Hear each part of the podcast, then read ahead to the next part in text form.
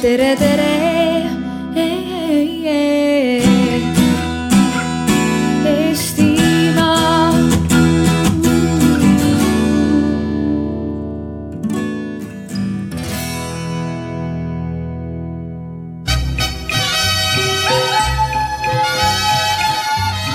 välismääraja. saade valmib koostöös uudisteagentuuriga BNS. Tere hommikust ja tere kuulama Välismäärajat. tänast saadet salvestame Paide Arvamusfestivalil vabas õhus, seega kui kuulete äkki linnulaulu või mõnda muud heli, siis teadke, miks see nii on. aga teemast ka. Soome ja Ungari on üles võtnud diplomaatilise tüli ja käib keskmise intensiivsusega sõnasõda nende kahe riigi vahel. mis tüli see on ja kas Eesti peaks ka kuidagi sellesse sekkuma, sellest on täna tulnud rääkima Avatud Eesti Fondi juhataja Mall Hellam, tere! tere. ja Rahvusvahelise Kaitseuuringute Keskuse teadur Rein Oidekivi, tere! tervist! mina olen Erkki Pahovski. ja tegelikult peakski rääkima võib-olla siis selle konflikti algusest, et äh, Soome sai esimesel juulil äh, eesistujamaaks Euroopa Liidus ja hakkas kohe aktiivselt siis edendama oma eesistumisprogrammi ja muuhulgas oli siis seal kavas ka punkt, et, et õigusriigi rikkumised, need tuleks siis siduda Euroopa Liidust tulevate toetustele, toetustega. Ja mispeale siis Ungari on vihaselt reageerinud sellega, sellele, sellepärast et Ungari on just see riik, kus need probleemid on. Ja Mall, sinu käest tahakski võib-olla küsida, et, et miks Soome üldse sellise sammu ette võttis, sest noh, kui me traditsiooniliselt vaatame Soome diplomaatiat, see on siis ikkagi selline diplomaatia, et et kõikidega võimalikult hästi läbi saada, no me teame seda, et Soome on üritanud väga hästi saada Venemaaga läbi ja noh, meil Soomega on ka väga head suhted, aga ikkagi Ungari, arvestades ka nüüd seda ikkagi, et tegemist on soome-ugri riikidega, et maailmas üldse on kolm soome-ugri riiki, Soome, Ungari ja Eesti no poliitikas vist soome-ugri element eriti ei mängi, eriti praegusel ajal, kus isegi Soome, mitte Soome, vaid Ungari on hakanud eitama niimoodi varjatult meie soome-ugri keelesugulust ja rohkem toetab seda, et, et ungari keel pärineb hoopis türgi keelte perekonnast. aga see selleks no Soome eesmärk oma eesistumise ajal tõesti kaitsta õigusriigi aluseid on täiesti loomulik, sest Soome on üks eesrindlikumaid äh, riike selles osas üldse ja kõik äh, uuringud äh,, indeksid ju kinnitavad seda, et ta on, ta on tõesti esireas ja näiteks viimati avaldatud World Justice Project, seal on Soome esimese kolme äh, kõige ähm, ausamalt järgiva õigusriigi hulgas, Ungari on viiekümne seitsmendal kohal, siis äh, äh, Freedom House'i demokraatia uuringu kohal vastab Soome sajaprotsendiliselt kõikidele demokraatia alusnõuetele, siis Maailma Majandusfoorumi aruanne näitab, et Soome õigussüsteem on kõige sõltumatum maailmas ja nii edasi ja nii edasi. nii et see valik, selle teema valik on täiesti arusaadav ja miks just Soome eh, tahaks siduda eh, Euroopa Liidu antavad toetused õigusriigi aluste järgimisega on ka selge, sest tegelikult on mitte ainult soomlastel, ka paljul teistel üpris juba ähm, öeldakse, et enough is enough, et juba küll sellest, kuidas Ungari näiteks kasutab Euroopa Liidu rahasid ja tehes seda varu, väga korruptiivsel moel ja tõesti need arvud, kuidas on rahad läinud äh, korruptiivselt äh, juhtpartei äh, juhi lähikondlastele, need on täiesti hämmastavad. Ja tegelikult äh, korruptsiooni uurimise agentuur Olav Euroopas on ka teinud väga paljusid ettekirjutusi Ungari selle koha pealt, aga probleem on see, et äh, kui need dokumendid jõuavad Ungarisse, siis need dokumendid kaeva, äh, kaovad täpselt sinna ametnike sahtlitesse ja edasi nad ei jõua. ja Ungari õigussüsteem väidab, et lahti pole midagi ja et need äh, dokumendid ei ole usaldusväärsed nii et see, et soomlased hakkasid asjaga tegelema, näitab nende tõesti väärtuspõhist poliitikat kindlasti ja seda, et nad soovivad ka Euroopa Liitu paremaks teha no ma küsin su käest siiski ühe küsimuse, jätkuküsimuse, et, et äh, seni oli see konflikt Ungari ja Euroopa Komisjoni vahel. et äh, kas äh, nii-öelda, kui me mõtleme poliitilisele tarkusele ja võib-olla natuke ka sellisele makiavellistlikule lähenemisele, et kas polnuks lihtsam jätta see asi Euroopa Komisjonile, et miks hakata ise seda turkima? no siin on jällegi küsimus soomlaste põhiväärtustes et selge, et komisjon teeb ka oma tööd, aga kui liikmesriigid ei toeta seda, siis see on kõik poole vaevalisem ja võtab rohkem aega kindlasti, et tõeliste tulemusteni jõuda no Rein, tundub, et Ungari andis nagu väga võimsa vastulöögi, et äh, Ungari kõigepealt kirjutas äh, äh Ungari riigisekretär Zoltan Kovats oma blogis sellest, et äh, Soomes endas ei järgita õigusnorme ja siis peaminister Viktor Orban ütles ka otse oma kõnes välja, et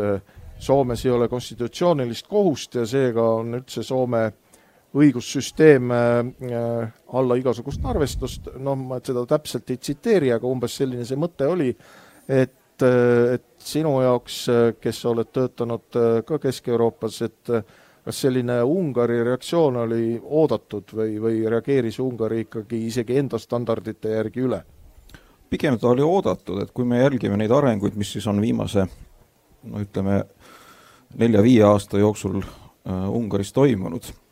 siis kui äh, varem Ungari reaktsioonid äh, Euroopa Liidu või liikmesriikide etteheidetele olid noh, kuivõrd konstruktiivsemad siis mida edasi on läinud, siis, mida edasi aeg on läinud, seda, seda enam see tundub, et on nagu tegu selle äh, haavatu loomaga, kes siis püüab nagu kusagil on nurka aetud ja püüab teisi salvata, mis tegelikult ju ka äh, ka Lennart Meri konverentsi Ukraina, Ungari esindajate puhul oli, oli näha, et äh, ma olen neid inimesi ka varem kuulnud, nende seisukohad olid märksa konstruktiivsemad, aga nüüd on kuidagi hakatud nagu vastu ründama ja leitud mingisuguseid, leitakse, püütakse leida mingeid momente, aga et sul endal on ka midagi, midagi korrast ära. Aga äh, võib-olla selle eelmise küsimuse juurde tagasi tulles, et mina näen, et äh, Soome puhul on Soome eesistumis prioriteedid Euroopa Liidu Nõukogus näitavad tegelikult Soome muret. et kui me vaatame neid noh, nelja põhipunkte, siis tõepoolest see esimene punkt oli ühisväärtuste tugevdamine ja õigusriik ja nende punktide hulgas oli ka Euroopa Liidu konkurentsivõime, oli ka äh, globaalsed ettevõtmised, kliimaprobleemid äh, ja ka julgeolek.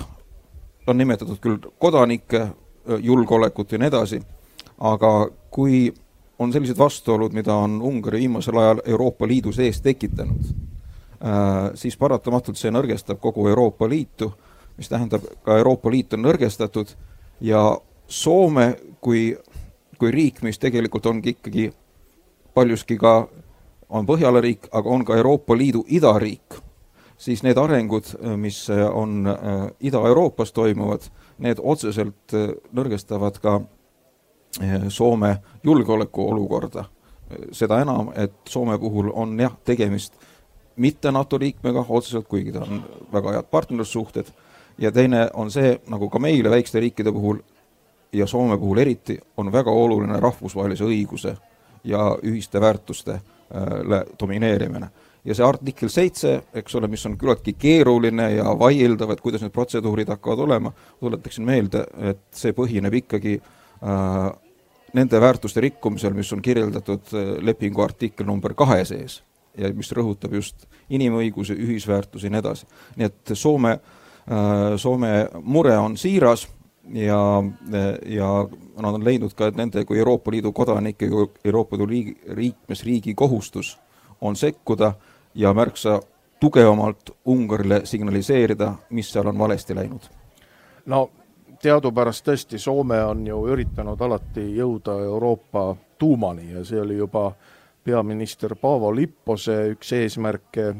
kui Soome ühines Euroopa Liiduga üheksakümne neljandal aastal, siis tegelikult ju Soome üritas alati jõuda sinna otsustajate ringi, ei ole ju ka juhus, et äh, Skandinaavia maadest või Põhjamaadest ainsana just Soome on üle läinud eurole ja noh, siis selles plaanis tundub, et see Soome käitumine täiesti arusaadav ja mõistetav. aga ma küsin, Rein, sinu käest nagu jätkuküsimuse, et, et et seal ühelt poolt on selline poliitiline vajadus ja, ja Soome kauaaegne välispoliitiline traditsioon olla Euroopa tuumikus ja, ja hoida seda Euroopat ühtsena, see on mõistetav, aga kas see ei või olla küsimus ka ikkagi maailmavaadete erinevuses, sellepärast et kui me vaatame Soome ja Ungari valitsusi, siis need on ikkagi väga erinevad, noh, poliitilise maastiku täiesti teiste, teise, teistes otstes, et Ungaris teatavasti on, eks ole, parempoolne valitsus, mis on siis üle võtnud palju ka äärmusparempoolsetelt, äärmusparempoolselt Jobbikult ja Soomes tuli võimule just ju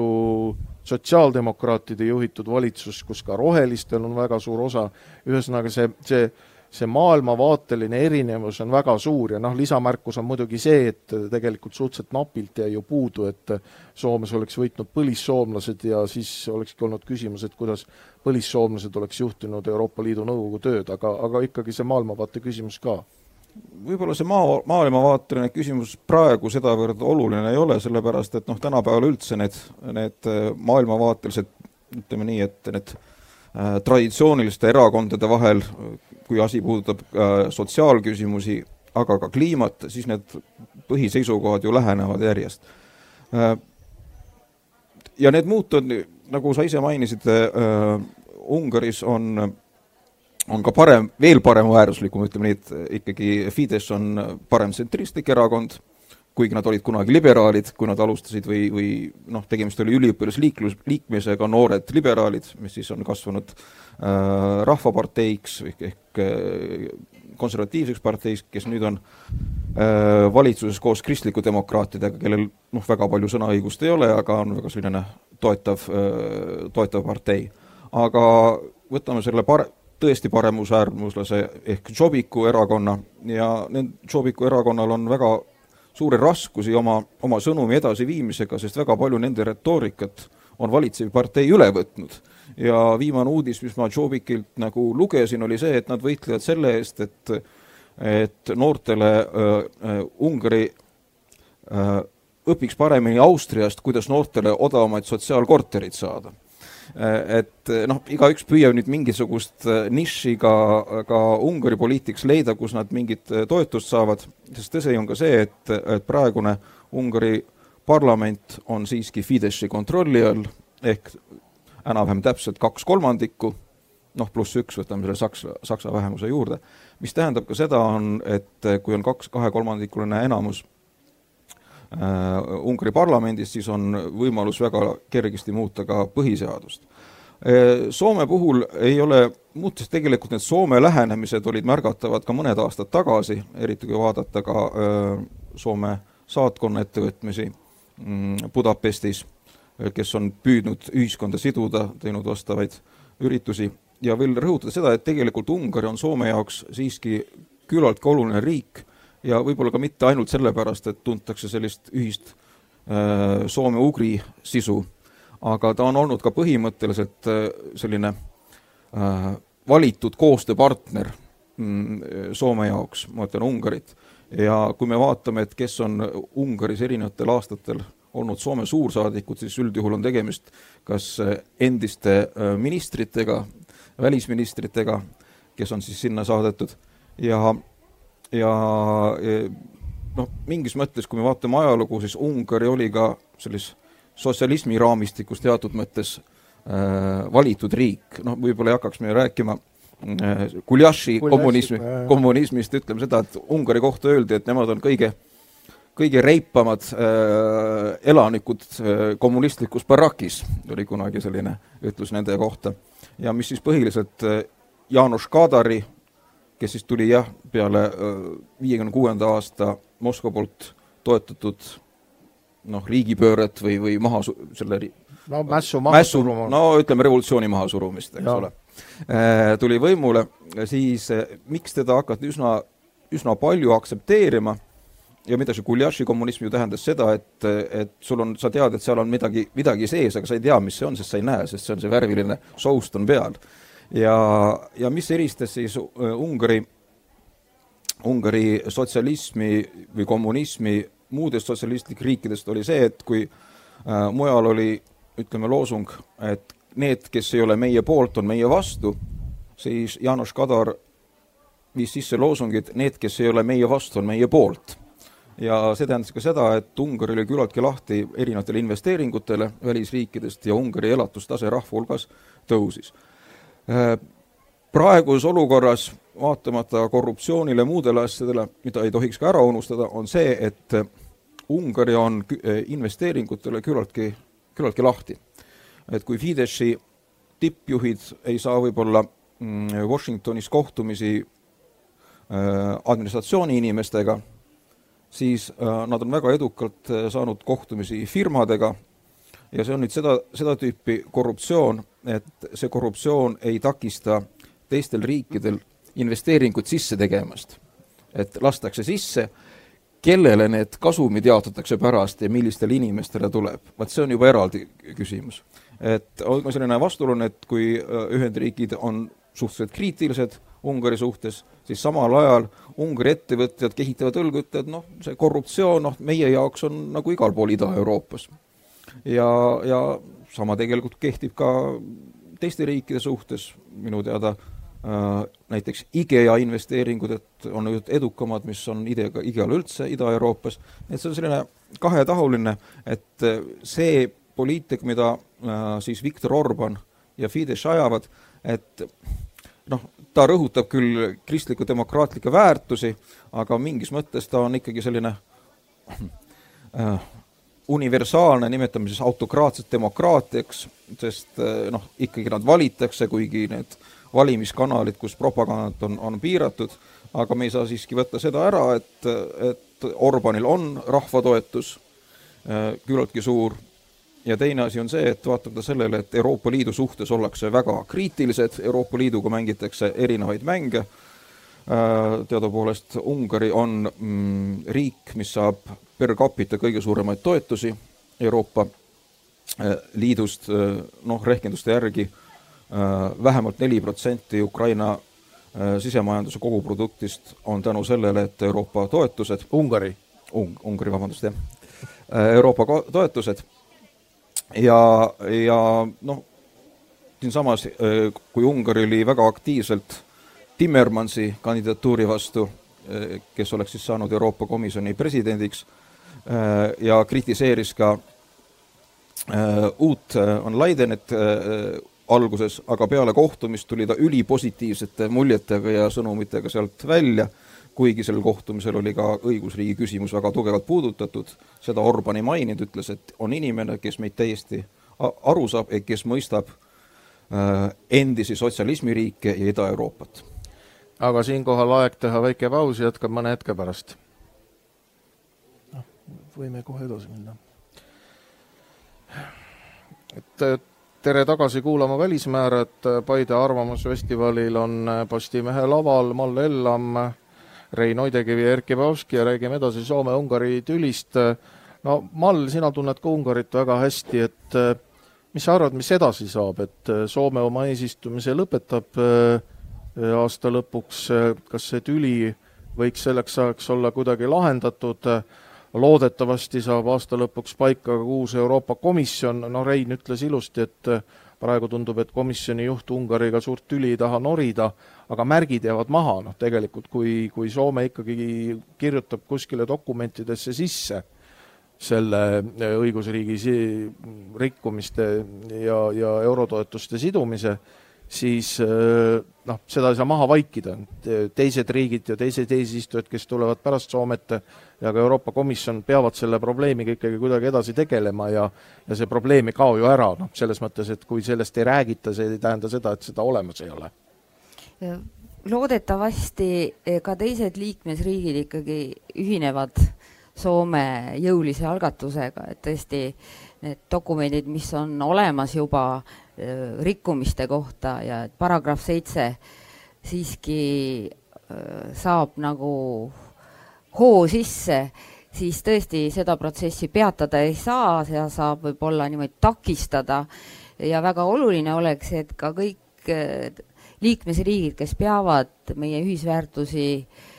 tähtsaks ja austavad neid, läheksid Soomega kaasa. Loomulikult Soome üksinda jätkab oma võitlust, siis kogu protsess võib tõesti minna väga pikaks ja siin oleks ka üleskutse meie poliitikutele Eesti ja Eesti riigile, et Eesti oleks ka sõnakam nende küsimuste osas, mis puudutavad õigusriiki, inimõigusi ja demokraatlikke väärtusi ja kogu seda korruptsiooniasjandust, sest see, mis toimub Ungaris, on ikka päris jube. Helsingi Sanomates oli vist kuu aega tagasi Soome nüüd juba sealt lahkunud suursaadiku väga avameelne artikkel sellest õhkkonnast, sellest nagu sellest riiklikust toiduahelast ja korruptiivsetest sidemetest ja kõigest sellest, millest väga paljud teavad, et kuidas rahad liiguvad ja kellele ja sellest, et näiteks äh, Ungari üks, üks rikkamaid mehi on endine äh, Orbani äh, ütleme nii, sanitaartehniliste tööde teostaja ja kuidas nad saavad äh, ilma igasuguse äh, probleemita äh, üle võtta meediaärisid, turismiärisid Palatoni ääres. see on selline avalik saladus, aga sellega ollakse nagu vaikselt juba harjunud ja kuna ütleme, selline avalik ülemaaline äh, üleriiklik meedia on kõik kontrolli all, siis sellest, ütleme, meediasfääris räägitakse vähe, ainult alternatiivsed meediakanalid ja internet öö, tutvustab neid asju rohkem, aga ütleme nii, keskmine kodanik väikses kohas võib-olla ei uuri eriti põhjalikult kõiki öö, informatsiooniallikaid interneti kaudu ei püüda leid-, ei püüa leida äh, nagu uusi ja uusi fakte, et mis tegelikult toimub.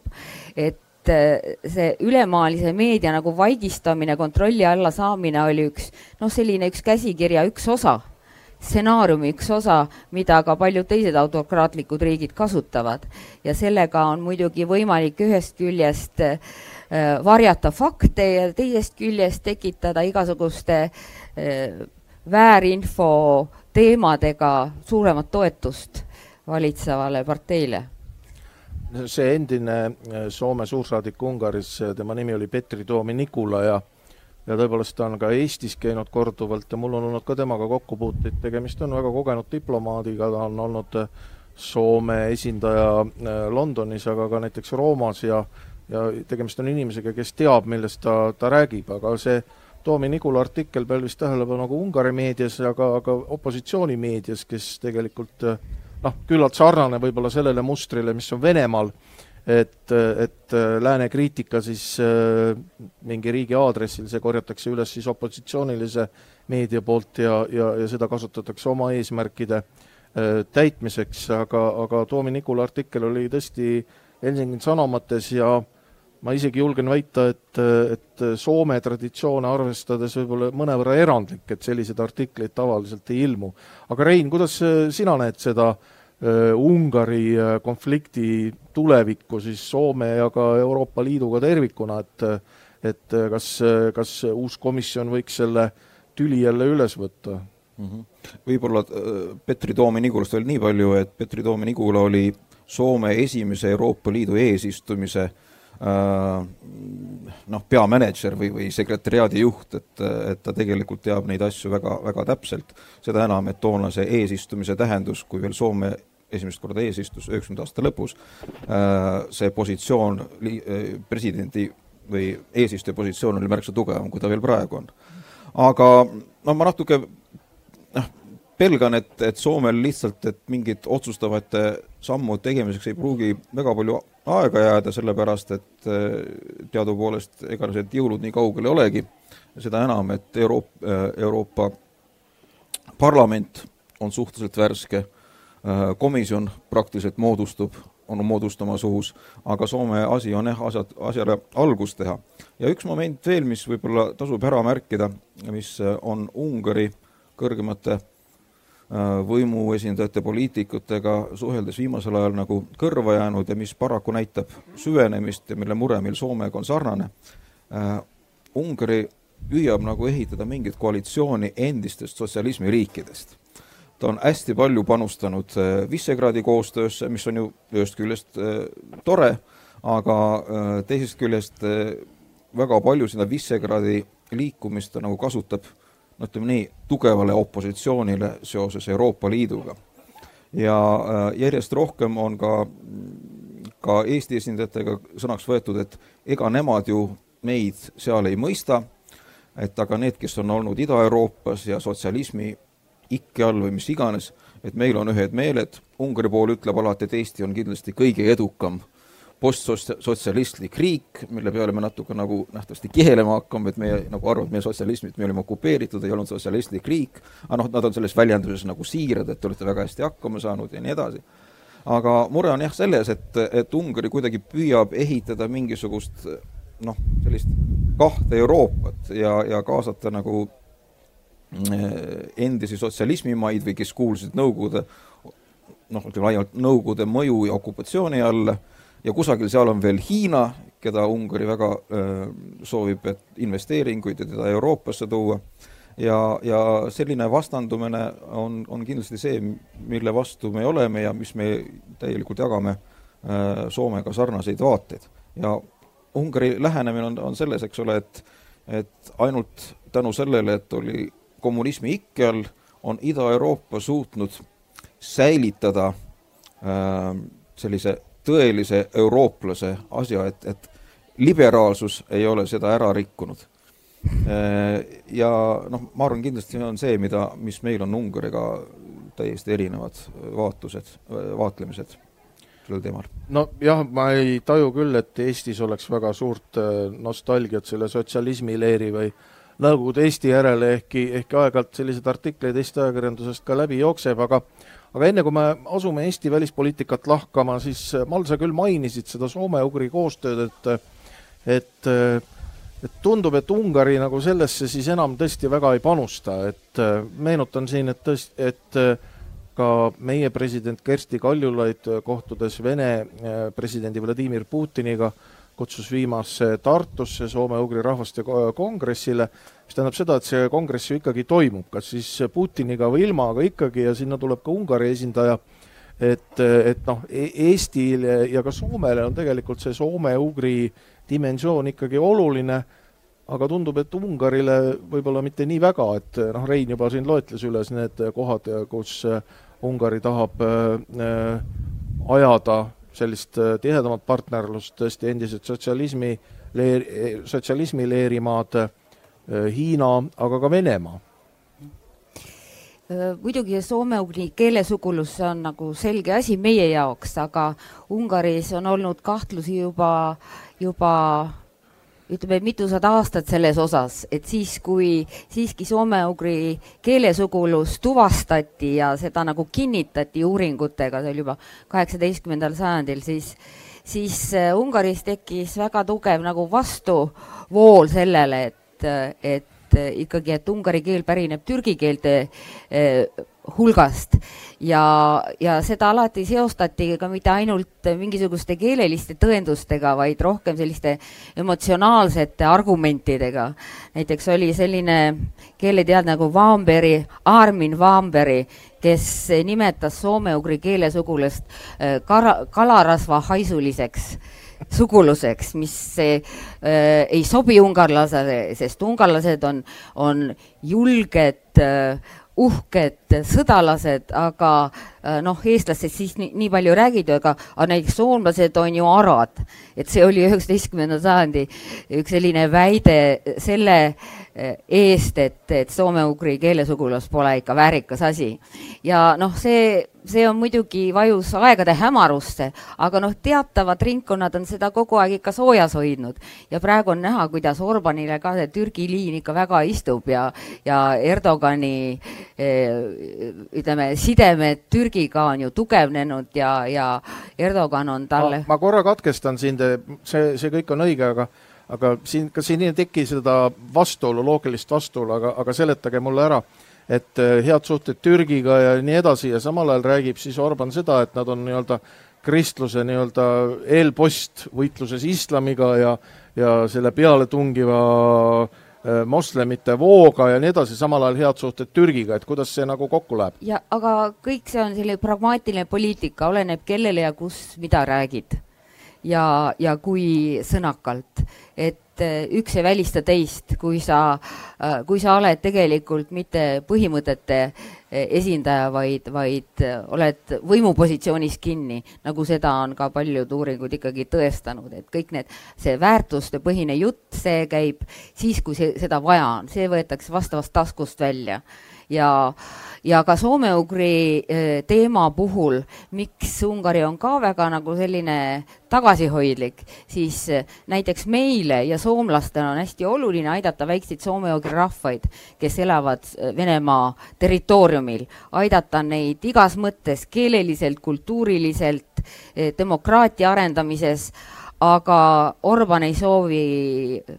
Venemaaga konflikti sattuda ja võib-olla see on ka üks selline argument, et ta ei soovi näidata üles ülisuurt aktiivsust soome-ugri rahvaste toetamisel Venemaal, nagu teevad seda ikkagi Eesti ja Soome. siinkohal väike paus, jätkame mõne hetke pärast tere tagasi kuulama Välismäärajat, Paide Arvamusfestivali Postimees Grupi laval on Malle Ellam, Rein Oidjakivi ja Erkki Bahovski ja jätkame soome ja ugri diplomaatilisest sõnasõjast rääkimist. ja nüüd siis tõesti Eesti, et, et mida siis Eesti peaks tegema või kas üldse peaks Eesti midagi tegema, et Eesti on vähemalt oma retoorikas ja ka igasugustes välispoliitilistes alusdokumentides alati toetunud, toetanud äh, õigusriigi põhimõtetest kinnipidamist,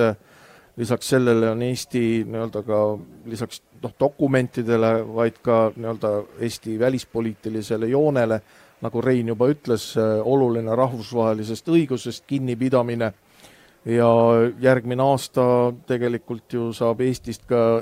ÜRO Julgeolekunõukogu ajutine liige kus ka selliste küsimustega ilmselt tuleb rinda pista, et, Rein, mis sa ütled, et et, et Eesti on seni olnud sellest tülis ju suhteliselt vait, et ta ei ole ju teinud mingisuguseid suuri avaldusi, et kas ta peaks neid avaldusi tegema või on targem istuda nagu kultrukkis? et äh, avalikult hakata Soomet toetama või nii edasi. Soome on äh, Euroopa Liidu eesistuja, Euroopa Liidu Nõukogu eesistuja praegu ja tal on kindlasti ka väga palju moraalseid ja muid kohustusi, mis tal, mis sunnib teda sõnakamad olla. Äh, Eesti kindlasti peab lähtuma omaenda huvidest ja kui meie seisukohad ja ka meie seisukohad äh, satuvad kokku äh, Soome seisukohtadega, see on ikkagi ühisväärtused ja nii edasi, siis kindlasti meie poliitikud ja meie ametnikud peavad üheselt toetama Soomet nendest küsimustest, sest see on meie huvi. mitte, et me peaksime nüüd valima, et kumb meie Äh, soome-ugrist on nagu ilusam või keda me tahaksime rohkem nagu teha, lihtsalt ei midagi, me peame lähtuma oma huvidest. ja antud küsimuses, kui meie huvid kattuvad äh, Soome poolega täielikult, siis me toetame Soomet. Äh, samas ma arvan, et Eesti on olnud ka Ungari suhtes suhteliselt avatud ja ilma, et nüüd midagi õigustamata, kui nüüd tagasi tulla aastale, aastani kaks tuhat viisteist, kui oli migratsioonikriis siis äh, äh, väga paljud on tunnistanud ja tunnistame ka seda, et äh, need reaktsioonid, mis esialgu tulid Ungari poolt ja väga paljude Euroopa Liidu, Liidu riikide poolt siis maha tehti, needsamad põhimõtted, et kuidas põgenikuvooluga tegutseda, on siiski hiljem üle võtnud nii Austria kui Kesk-Euroopa riigid, kes kõige rohkem kannatasid, kõige rohkem. see on vastutus oma riigi piiride eest. mida Ungari tegi valesti, või noh, ma ei ütle valesti, mida nad tegid teisiti, oli see, et selles, et, et kui ka nendel mõnel lähenemisel oli oma sisu ja oma põhimõte, seega ka põgenike aitamine nende asukohamaadel rohkem ja mitte nagu äh, ula peale laskmine Euroopasse äh,, siis nende retoorikas omal ajal oli vastanduv ja väga paljudele vastuvõetamatu. aga nagu ma ütlen jah, et, et mitmed positsioonid, mis, mis Ungari siis välja käis, on tegelikult äh, salamisi üle võetud ka äh, Euroopa Liidu poolt ja noh, tunnustame ka, eks ole, et Euroopa Liidu ja Euroopa Liidu liikmesriikide mm, suhtumine kaks tuhat viisteist suvel sellesse põgenisse kriisi oli noh, pehmelt öeldes rabe, et mitte öelda rabelev. ei reageeritud äh,? ei reageeritud ja, ja noh, tõde on ka see, et valitsused olid paralüseeritud ja kui see mass üle Balkani järsku Austriasse, Ungarisse äh,, Saksamaale jõudis, siis oli ka periood, kus keskvalitsused olid äh, tegutsemisvõimetud ja väga palju Austria ja Saksamaa puhul aitasid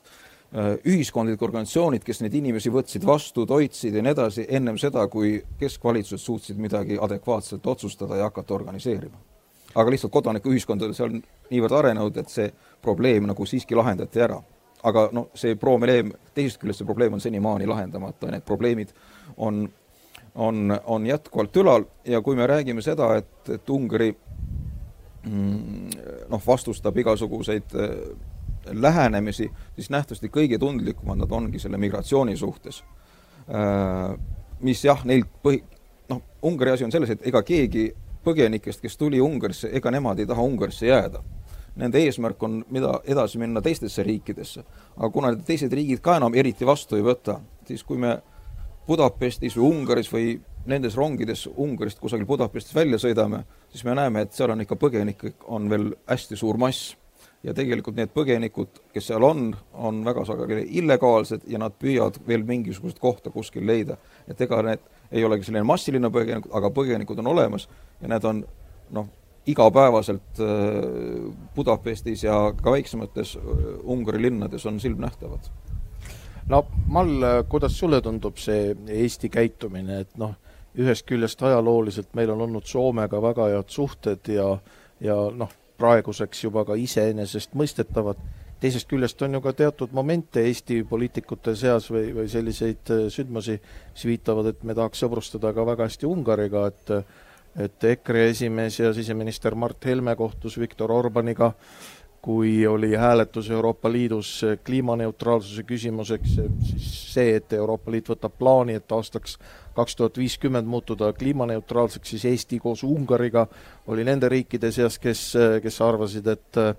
et nii, et, et see, seda plaani ei ole vaja ja hääletasid vastu, et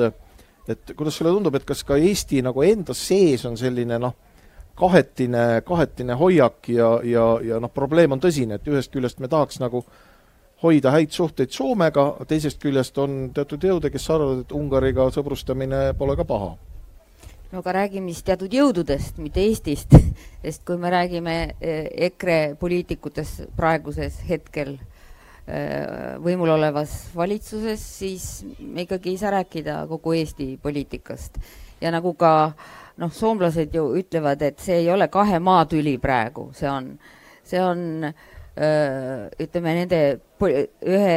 poliitiku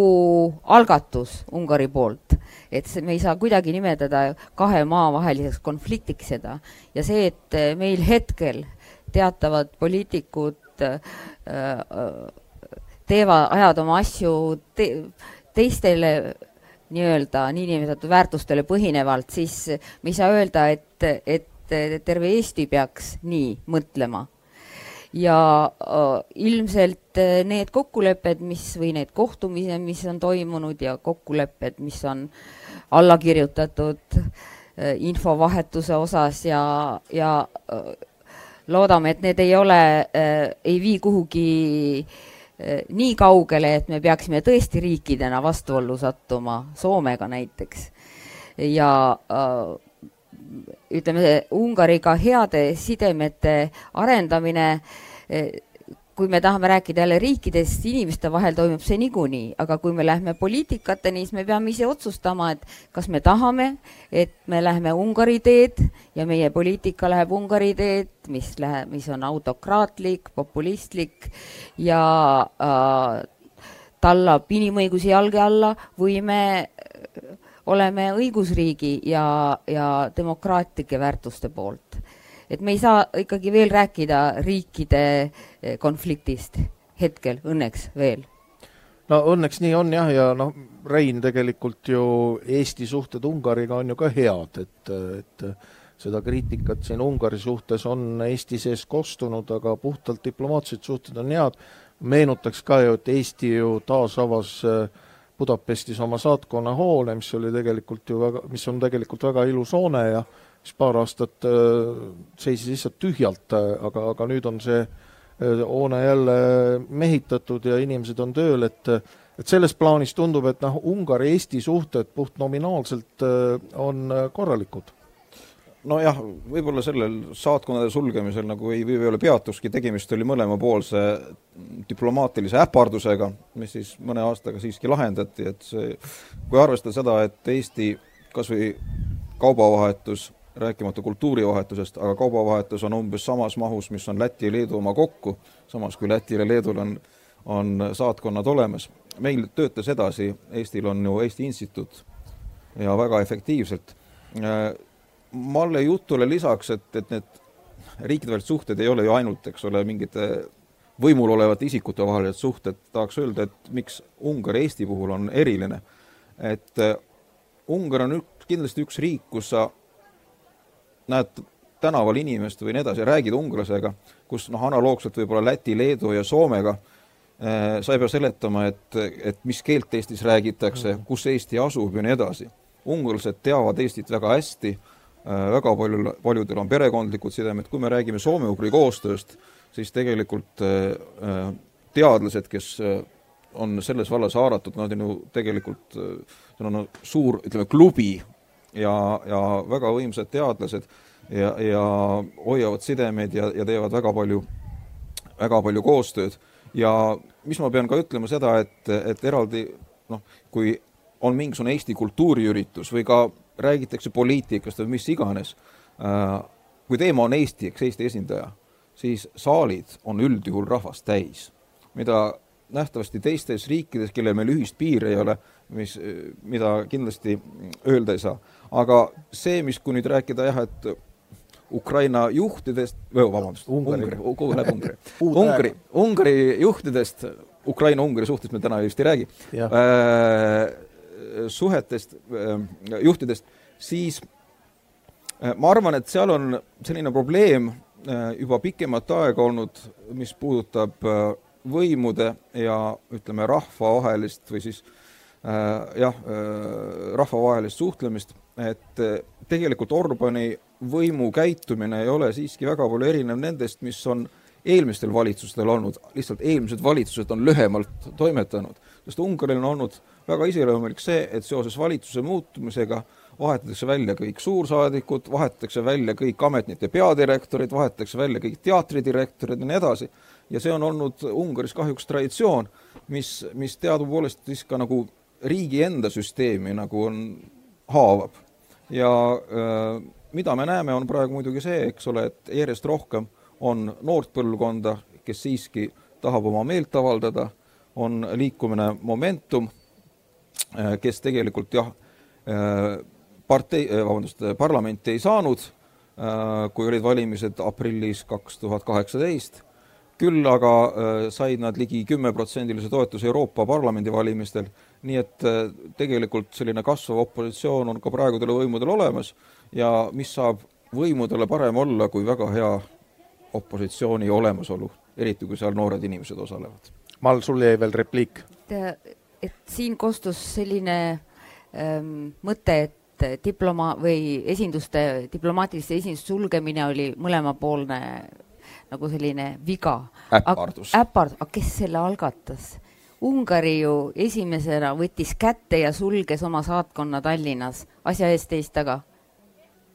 ilma igasuguse loogilise põhjenduseta, et noh, selline ametlik väi-, väide, et ta läks meile väga kalliks maksma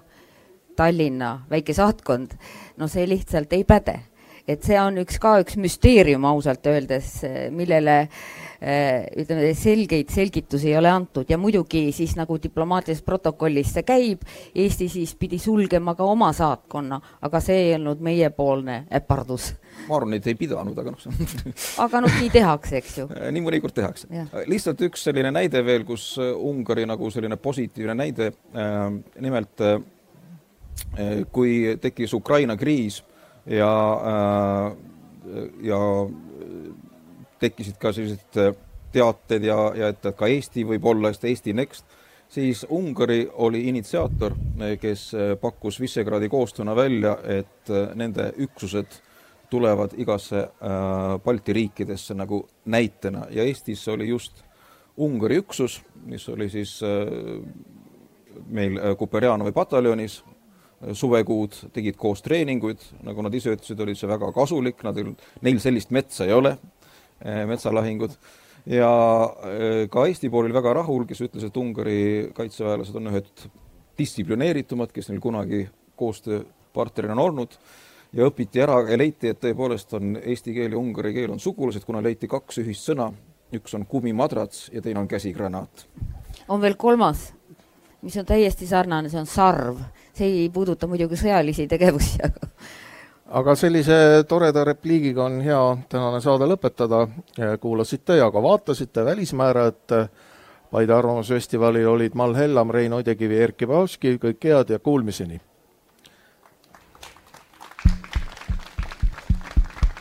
ja nüüd siis äh, küsimused, et kas kellelgi on äkki mingi küsimus Soome-Ungari suhete kohta? siin on spetsialistid koos, et andke käega märku ja mikrofon on siin. no seal esimene jah, Ave tuleb. Äh, tere ja tänan väga huvitava vestluse eest, et äh, natukene paluks veel rääkida sellest opositsioonist ja tema sellisest reaalsest tugevusest, et kes on seal taga ja mis, mis äh, noh, kuidas öelda, mis ühiskonnakihid sinna opositsiooni kuuluvad ja kas tal on mingi keskus just Budapestis või nii edasi, et ma ise paraku ei ole jälginud neid asju selliselt, aitäh. Noh, kumb teist tahab vastata? ma võin alustada. et äh, neid liikumisi on äh, tekkinud tõesti mitmeid ja, äh, ja nad on suhteliselt väiksed, et nagu ka Rein juba mainis, kõige suurem on momentum, need on tõesti noored intellektuaalid niimoodi ülikoolidest on need inimesed tulnud kõik ja Momentum on selline noorteliikumine tõesti, millel on, on potentsiaali kasvada äh, ja mida nad on ka teinud. Ja mis on väga meeldiv, et äh, kaks nende esindajat sai ka Euroopa Parlamenti. Ja üks Katalin Tšehh pidi ka tulema Arvamusfestivalile, kahjuks viimasel hetkel ei saanud tulla. Äh, siis on selliseid äh, nagu naljaga pooleks liikumisi, üks on kahe sabaga koer, eks ju, Geet Vargu Kutja. Ja siis on ka äh, üks selline partei, mille nimi on, lähed Maaspoliga, LMP E, et on võimalik ka teistsugune poliitika, lähed maaspoliitika. nii et neid on, nad kahjuks ei tee eriti palju koostööd ja niimoodi üksinda omaette nad ei saavuta suurt jõudu ja nad ei oma mitte mingisugust ligipääsu ülemaalisele, üle, e, üle, üle, ringhäälingusse, ütleme nii, ja ütleme üleriiklikesse kanalitesse, mis võtab neile väga, väga palju jõudu maha aga teisest küljest on juba kohalike valimiste nagu kontekstis näha, et juba hakkavad ka nendes kohtades, kus tegelikult Fideszi jõud on täiesti silmnähtav, hakkavad ka sõltumatud kandidaadid juba võitma. nii et nii et on loota, et järgmistel valimistel läheb tõesti tihedaks rebimiseks. aga muidugi, et võita seda suurt ülekaalu, mis praegu Orbanil või Fideszil on, on äärmiselt raske nii et äh, mis on hea märk nüüd enne Euroopa valimisi, Euroopa Parlamendi valimisi, et need väiksemad jõud võtsid tõesti kokku paljudes kohtades ja, ja unustasid erimeelsused ja läksid nagu ühise jõuna välja. võib-olla lisaksin nii palju, et, et miks nad ühine äh, nendel, ütleme, progressiivsematel äh, või, või, või jah äh,, tsiviilühiskonnal on selline allergia igasuguste erakondade, parteide vastu. et kui meenutada Momentum, nad lihtsalt pidid ennast erakonnaga registreerima, et valimistele minna. kuigi nad olid jah, seal olid väga paljud olid sellele vastu, nemad tahtsid olla ühiskondlik liikumine. ja Momentumil minu teada on nüüd ka rahvusvaheliselt on mingid keskused, isegi Stockholmis minu teada on neil korter, ma ei tea, kuidas Helsingis on, Eestis vist ei ole. ei, ei äh, ole. et, et nad nagu teevad seda, kuna väga palju nende inimesi on, on läinud välismaale õppima tegelikult ka Eestist on käinud äh, nende ütleme, seminaridel, koolitustel inimesi nii IT-asjades kui ka demokraatia asjades, rääkimata Soomest, kes on väga aktiivselt nendega suhelnud ja, ja ka finantseerinud. aga selles mõttes, et sellised tsiviilühiskonna liikumisi, õpetajate protestid olid, kuidas nad, ruudulise särgi protestid olid, olid, olid arstide protestid, aga jah, probleem on selles, et kuna äh, mitte üksi nüüd Fides, aga noh, võime öelda ka äh, Tšurtšan ja, ja kõik teised on niivõrd väga paljudel, eriti nooremale põlvkonnale, diskrediteerinud sellise asja nagu partei. Ja ollakse väga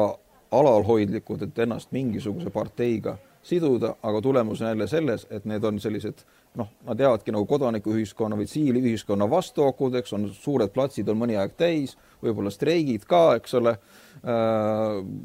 aga isegi võimud ei pruugi noh, nii väga julmad olla nendega, mingisugust vägivalda nagu Venemaal ei ole, ei toimetata ja siis see jälle kuidagi kustub ära.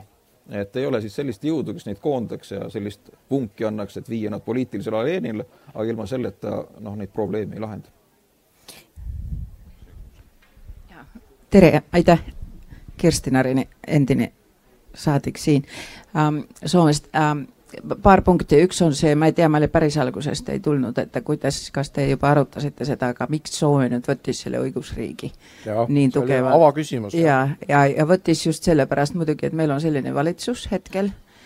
kus, kelle, kelle agendal on roheliste ja sotsiaaldemokraatidega väga tugevalt see ja see ei ole nüüd nii mingi, see on ju pikk protsess, see on nii nagu kaitsekulutused NATO-s, et see ei ole nii, et üks riik võtab üles ja ja, ja siis tuleb sellest midagi ja, ja, ja see Põhjamaade traditsioon on ju selgelt see, mis on vastuolus sellega, mis toimub. ja see ungarlaste, see hõimurahvaste nagu see seda Orban ju ütles ise ka mõni aasta tagasi, et tegelikult sellist suhet ei ole ja et, et see ei ole nagu oluline nendele üldse. teine oli see punkt, mida ma tahtsin just selle Reini, Reinu äh, selle poliitilise, Ungari poliitilise traditsiooniga seoses on ülioluline, on see, et demokraatilised institutsioonid on lahus poliitikast see on see, mis peab üleval hetkel ka Ameerika Ühendriigis mingisugust nagu veel, veel nagu mõistust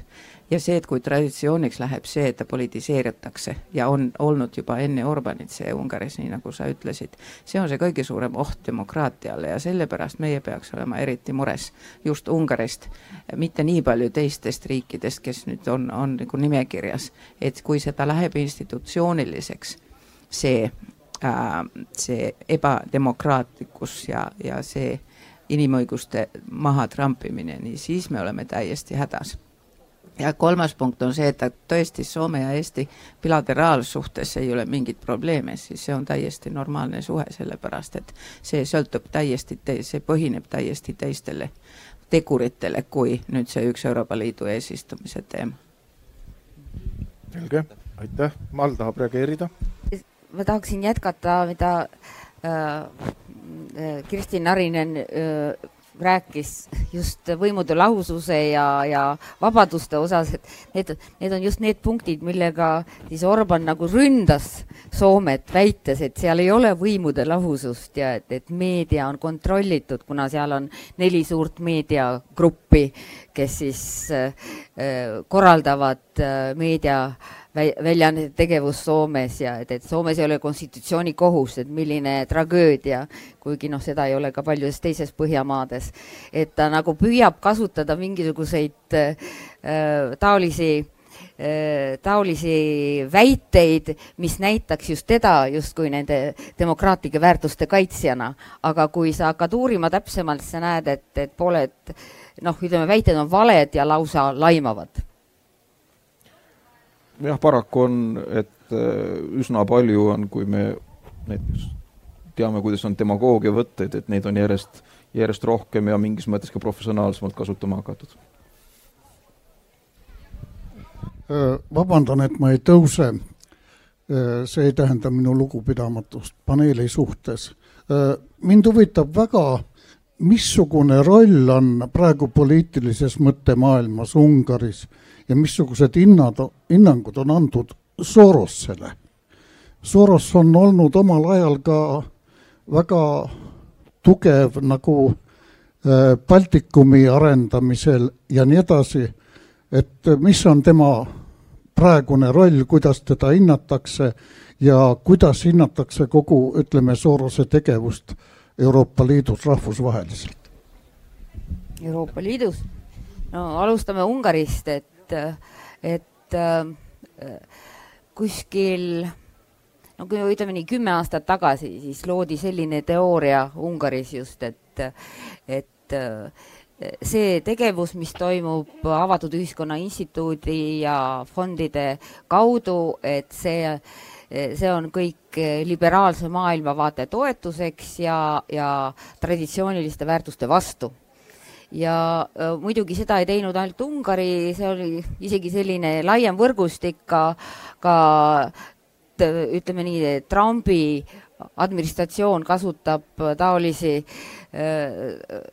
taolisi väiteid praegu oma, oma väitlustes ja poliitikates. tähendab, selleks, et oma ka osaliselt oma võimu kindlustada, võeti väga selge suund sellele, et on vaja leida, leida üks vaenlane. Olgu see, kui see ei ole välisvaenlane, siis leiab ka seestpoolt kellegi. Ja siis äh, arvati, et Soros oma äh, liberaalsete väärtustega sobib väga hästi äh, just nende äh, poliitikate äh, nagu õigustamiseks, mida Orban tahtis Äh, tahtis ellu viia. nii et see, mida kõik Soros tegi, oli selleks, et, et õõnestada Ungari traditsioonilisi väärtusi ja, ja seda argumenti kasutab nüüd terve äh, võimul olev ka äh, poliitiline jõud ja, ja valitsus ja ka siis kaasa arvatud kogu meedia äh,, meedia masinavärk seal taga äh,. ütleme nii need toetused, mida Sorosi Avatud Ühiskonna Fond on jaganud hariduse, teaduse, kultuuri vallas, need summad on tegelikult võrreldes Euroopa Komisjoni vastavate programmide toetustega mitu korda väiksemad nii et tegelikult äh, on jälle pea peale pööratud kogu see tegevus sellega, et, et justkui Soros ainult toetaks progressiivseid väärtusi ja, ja, ja püüaks sellega siis mingisuguseid selliseid ajaloolisi uh, Ungari juuri nagu läbi lõigata või kõigutada, no see on suur kõik niisugune müsteerium. Ja kui vaadata neid summasid, mida on uh, antud uh, tõesti ühiskonna arendamiseks, need summad on märkimisväärsed, aga kindlasti väiksemad, mis on tulnud Ungarile samade eesmärkide toetuseks eh, rahvusvahelistelt organisatsioonidelt või Euroopa Liidu programmidest kokku. Nii et eh, praegu on jah, ja selline mugav vaenlane leitud, kaheksakümne üheksa aastane härrasmees Äh, ja tema on siis selline, kes püüab siis Ungari riiki kõigutada äh, just Orbani retoorika vahendusel ja ka, ja isegi Euroopa Liitu ja liikmesmaid muuta äh, ütleme üliliberaalseteks või, või selliseks, mis ei sobi traditsiooniliste väärtustega. et selline, selline ütleme, propagandasuund on võetud ja äh, ütleme, kuna Soros isiklikult pole äh, ma ei tea, Ungaris juba nüüd aastaid käinud ja ka sealne fond juba aastaid ei tegutse siis siis tegelikult see on kõik nagu pastakast välja imetud selline informatsioon, aga kuna keskmisele kodanikule jällegi ei ole eriti oluline, kust see info tuleb ja tema ei hakka uurima, eks ju, minema Euroopa Komisjoni portaalide või kodulehekülgede andmestikku, et vaadata, et kuidas asjad on ja mida, mida sealtpoolt tehakse, siis, siis selline, sellised müüdid eh, paraku levivad. on väike repliik. Uh.. mul on selline küsimus. Äh, ma olen rääkinud ka ühe ungarlasega, kes ammu elab Rootsis ja tema on väitnud, et äh, see on väga kallutatud lähenemine, sest heatahtlik lähenemine oleks need toetussummad ju liita. aga praegu on niiviisi nagu, et äh, Sorosi toetus võetakse miinusmärgiga maha ma võin eksida, aga ma praegu tsiteerisin ühte Rootsis elavat ungarlast. lihtsalt repliigi korras mm, üks märkus, et ütleme nii, et üheksakümnendate aastate esimesel poolel või alguses oli ütleme, Kesk-Euroopas ja ma mõtlen Ungarit, aga ka naaberriike, mm, Tšehhid, Slovakkias, osati ka Poolas, sealkandis, olid nagu äh, kaks kaks inimest, kes mõjutasid võib-olla selle kodanikuühiskonna arengut kõige rohkem. üks oli nähtaval, teine ei olnud nähtaval. üks oli George Soros, kes siis finantseeris äh, haridusele äh,, noortele äh, demokraatia arengusse oli nähtaval, teine, kes ka finantseeris, aga natuke teistmoodi oma raha, oli Semjon Mogilevitš äh,. tegemist on siis Venemaa äh, tuntuma mafioosoga, kõige kõrgem, keda teatakse, kes oli kümneid aastaid äh, kümne kõige Ameerika Ühendriikide poolt tagaotsitud tegelase hulgas, keda Venemaa kunagi välja ei andnud, aga kes oli Ungari kodanik äh, ja kes elas Kesk-Euroopas ja Ungaris pikka aega, kuni ta välja saadeti Venemaale, kellel on Vene eristruktuuride ilmne kate olemas, ja tema äh, arendas organiseeritud kuritegevust Kesk-Euroopas, aga muuhulgas äh, ostis ka ära või maksis praktiliselt kõikidele poliitilistele parteidele, kes kuigivõrd olid päevakorras äh,. On ka spekulatsioonid, et mingid rahad said ka tudengid ehk Fidesz, aga rohkem ma edasi ei spekuleeriks, seda seotakse sellepärast, miks äh, Orban oma suhtumisse Venemaasse nii järsku aastal kaks tuhat üheksa muutis aga noh, see on juba eraldi teema, mis nähtavasti jah, Ungari, Venemaa ja siin me kuidagi saa-, võiksime isegi, kui me räägime tuumajaamadest, saaksime jälle nagu Soomega mingeid paralleele tooma, paralleeli tuua Anhikivi ja, ja, ja Paksi võimalikud arengud ja millal saab olema ja kuidas need rahastamised on, aga see on jah, terve suur, suur ja muu teema, põnev aga, aga siiski. aga ma arvan, et äh, praegu siis kõik, et äh, täname kuulama ja kuulamast ja vaatamast ja kohtumiseni siis juba järgmine aasta võib-olla.